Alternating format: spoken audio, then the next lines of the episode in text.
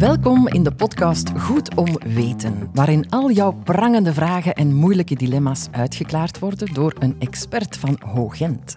Ik ben Tine de Donder en ik ben op zoek naar alledaagse vragen waarmee jij en ik geconfronteerd kunnen worden en waarop het antwoord goed om weten is. Ik ben heel benieuwd naar uw vraag. Nore heeft ons geschreven. Ik ben 27 jaar, mijn vriend en ik, wij dromen van een eigen huis. Wij schuimen het internet af en houden alle huizen en bouwgronden in de gaten in de buurt rond Gent. Maar momenteel is alles zo duur. Gaan die vastgoedprijzen nu ooit zakken? En daarnaast horen wij ook berichten over dat we in de toekomst niet meer zouden mogen bouwen bij ons in de regio. Klopt dat? Dat geeft ons allemaal heel erg veel stress. Wij weten niet meer wie of wat we moeten geloven. Dat zijn vragen die Pepijn Vianen kan beantwoorden. Hij is dokter in de geografie en doet voor Hoogent onderzoek naar de waarde van vastgoed. Dag Pepijn. Goedemiddag. Hoe zit dat nu? Zijn die prijzen van vastgoed nog altijd zo hoog? De prijzen van vastgoed zijn uh, zeker hoog. Ze zijn nog nooit zo hoog geweest. Uh, om u uh, kort even te schetsen. In 1973 konden we nog een, een vierkante meter bouwgrond kopen aan 9 euro per vierkante meter. Nu schommelt dit rond de 220 euro per vierkante meter. En dat is, ik denk dat iedereen dat wel aanvoelt, dat is sterker gestegen dan de gewone levensduurte. Als we de gewone consumentenprijsindex, die de laatste jaren ook uh, veel in het nieuws is geweest, zouden toepassen, dan zouden we nu maar, maar 50 euro per vierkante meter mogen betalen. En, maar we zitten dus rond de 220 euro per vierkante meter. O jee, ja. En gaat dat dan nooit zakken volgens jou? Voor bouwgronden is dat een zeer moeilijke kwestie. In die zin, we zien wel dat de stijging uh, sterk aan het afnemen is. Dus er was een zeer sterke stijging in de ja, vanaf de jaren 90 tot het jaar 2010, 2015. En vanaf dan is die stijging afgenomen. Die is eigenlijk gestagneerd. Uh, dus er is wel nog een stijging, maar zeer beperkt. Uh, dus dat is het goede nieuws. Mm -hmm. de vraag is echter, zal die stagnatie aanhouden en zullen de of zullen zelfs de, de bouwgrondprijzen dalen? Dat is heel moeilijk te voorspellen, omdat ja, bouwgrond, er wordt geen bouwgrond bijgemaakt. Uh, in Vlaanderen is er een ruimtebeslag uh, iedere dag van 5 hectare uh, van open ruimte die verdwijnt. dus daarom is er de bouwshift in het leven geroepen om ervoor te zorgen dat dat ruimtebeslag afneemt en tegen 2040 herleid wordt naar nul. Dus dat betekent dat ja, bouwgrond wordt steeds schaarser, dus het zal waarschijnlijk ook wel duur blijven. Ja, dus dat is wat Nore hier vraagt van... Uh, klopt het dat wij in de toekomst niet meer zouden mogen bouwen? Dat is dat? Het is geen kwestie van niet meer mogen bouwen. Dus in aanloop van 2040 uh, eh, zullen overheden, ofwel op Vlaams niveau of op lokaal niveau, beslissingen moeten nemen van uh, waar willen we verdichten, uh, inbreiden of uitbreiden in zaken het bouwweefsel uh, van onze omgeving en welke open ruimtegebieden dat vooral willen we vrijwaren. de eerste keuze is dan natuurlijk om gronden die overstromingsgevoelig zijn, die in open ruimtegebieden liggen, voor de woonreservegebieden en dergelijke, om die te vrijwaren. Voor de Vlaamse overheid heeft daar al een stolp op geplaatst vorig jaar, om ervoor te zorgen dat daar niet meer op gebouwd kan worden. Maar het is wel de bedoeling om bijvoorbeeld in steden, als er daar bijvoorbeeld nog een lapje bouwgrond is, om dat wel te bebouwen, om de stad te verdichten, eh, omdat de diensten, eh, openbare vervoer en dergelijke daar aanwezig zijn. Dus we gaan wel bouwen. In 2040 is het dan de bedoeling dat uh, ruimtebeslag geleid wordt tot nul. Uh, er zijn daar wel uitzonderingen op. Er zijn mogelijkheden voorzien om bijvoorbeeld op plaats Y een woning af te breken, om op plaats X een nieuwe woning te plaatsen. Dat is ook mogelijk. Ja, ik hoor jou nu vertellen uh, over de plannen van uh, de overheid tegen 2040, maar de brief die wij kregen is van Nore, die is 27, die gaat zo lang niet wachten. Hè. Die wil nu graag iets kopen. Wat zou je haar dan aanraden? Nu snel, snel iets kopen of toch blijven zoeken, blijven wachten tot de prijzen misschien dalen?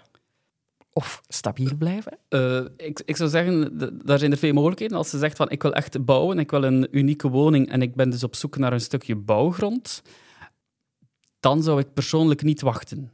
Uh, en indien dat niet mogelijk zou zijn, hè, je hebt uh, momenteel de, de fondsen nog niet, dan zou ik eens in gesprek, in gesprek gaan met de stedenbouwkundige dienst van de stad Gent in dit geval, om na te gaan van waar zien zij in de toekomst inbreiding en uitbreiding van bebouwing uh, en waar niet. Eh, ik denk dat dat een belangrijk uh, verhaal is. Zodoende dat er ja, dat er geen investering gebeurt in een verkeerd stukje bouwgrond, bijvoorbeeld. Ja, dus als je een bouwgrond wil, Noren nu kopen en als ze gewoon een huis wil om op te knappen eventueel, toch nog even wachten of ook nu kopen?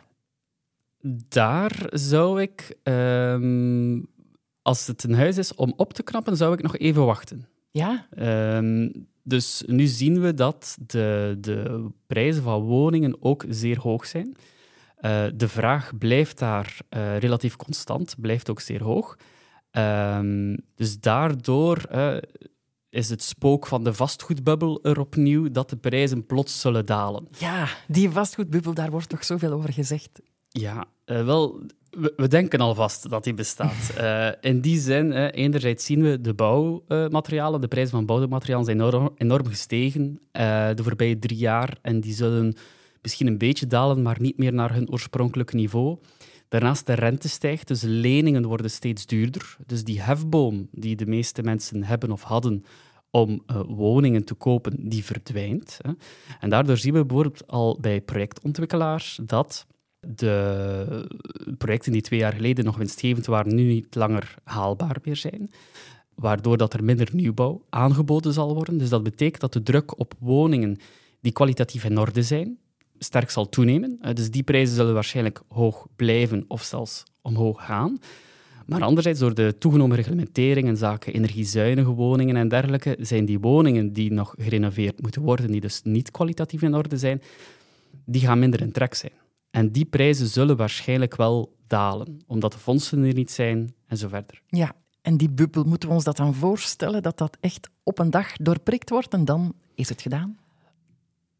Wel, die bubbel, ik, ik denk in Vlaanderen dat we altijd moeten spreken over een bubbeltje. In die zin, uh, in het verleden zijn de prijzen ook wel eens voor een relatief langere periode gedaald. Ik denk dan aan de jaren 80. Dat was in, uh, naar aanleiding van de energiecrisis in de jaren 70. Dan zijn de prijzen ook gedaald uh, van vastgoed in het algemeen. Maar dat was met meestal maar 5% tot maximaal 10%. Dus ik vermoed als de, de, woningen nu in het algemeen zullen dalen, dan zal dat ook maar met 5 tot 10 procent zijn. Hè. Met daar, zoals ik al zei, dat onderscheid dat sommige woningen, de kwalitatief goede woningen, die zullen waarschijnlijk niet dalen. Uh, dus dat is wel belangrijk om te weten. Het zal een bubbeltje zijn. Ja, oké, dus niet te optimistisch. Nore schrijft, ik heb daar heel veel stress over. Wij weten niet wie of wat we moeten geloven. Kan je daarin komen? Ik kan daar zeker uh, in komen. Uh, in die zin dat uh, het zijn financieel moeilijke markten. Dus de Europese Bank speelt momenteel met de rentes, wat voor onzekerheid zorgt.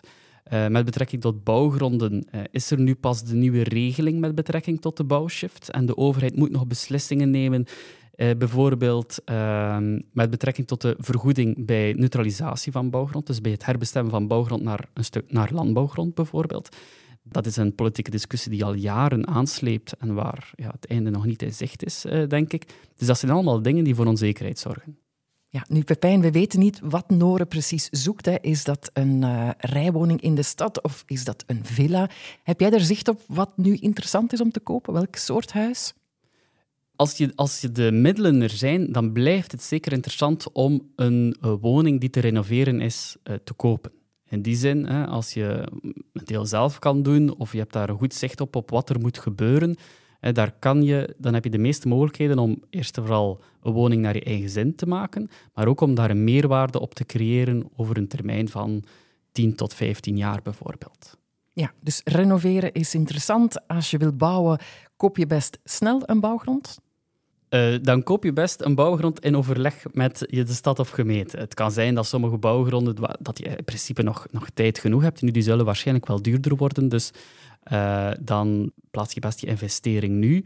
Maar er zullen ook bouwgronden zijn die momenteel als omwille van de gewestplannen bebouwbaar zijn, maar evengoed binnen vijf jaar toch geen vergunning zullen krijgen om bebouwd te worden omwille van die bouwshift. En mogelijk herbestemd zullen worden naar natuurgebied of landbouwgebied enzovoort. Dus je kan ook een miskoop doen met een bouwgrond?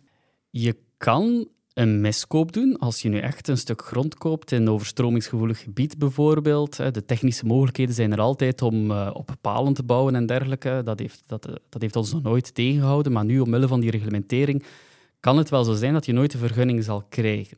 Uh, nu is het wel zo, er is een nieuw vergoedingsmechanisme die in werking zal treden. Dus indien er een herbestemming is van je stuk bouwgrond naar bijvoorbeeld landbouwgrond, zal je wel vergoed worden aan marktwaarde. Dus het verlies dat je zal doen, zal naar alle waarschijnlijkheid beperkt zijn. Ja, maar daarmee heeft Noren of al die andere jonge mensen, daarmee hebben ze nog altijd geen plaats om te gaan wonen dan, hè? Dat klopt. Er wordt meer en meer um, ja, gestreefd om uh, te verdichten en dergelijke meer. Dus um, het aankopen van woningen en die te renoveren of mogelijk zelfs uh, op te splitsen in meersgezinswoningen en dergelijke, dat zal wel in grote mate de toekomst zijn. Ja, veel flexibele oplossingen. Pepijn, kan je kort nog samenvatten? Wat zou je deze Noren nu aanraden die dringend op zoek is naar een eigen plekje? Ik zou in eerste instantie uh, in gesprek gaan met de stad of gemeente en die die wil bouwen. Indien je niet wil bouwen, maar wel wenst te renoveren, hè, als je je handen wil vuil maken, dan zou ik kijken naar het vastgoedmarkt, maar nog even wachten. En dan bedoel ik een, een twee jaar, drie jaar of zoiets. Maar wil je echt een instapklare woning die voldoet aan alle uh, reglementeringen en die zeer energiezuinig is, dan zou ik niet wachten. Dat zou ik nu eigenlijk al uh, kopen, want daar gaan in de toekomst geen koopjes te doen zijn. Oké, dat is een heel duidelijk antwoord. Dankjewel, Pepijn Vianen. Graag gedaan. Als jij meer wil weten over vastgoed in Vlaanderen, de evoluties en voorspellingen, dan kan je surfen naar onze website hogent.be slash goedomweten. Dit was een podcast van Hogent. Elke maand beantwoordt een expert een vraag van een luisteraar. Zit jij met een probleem of zoek jij advies?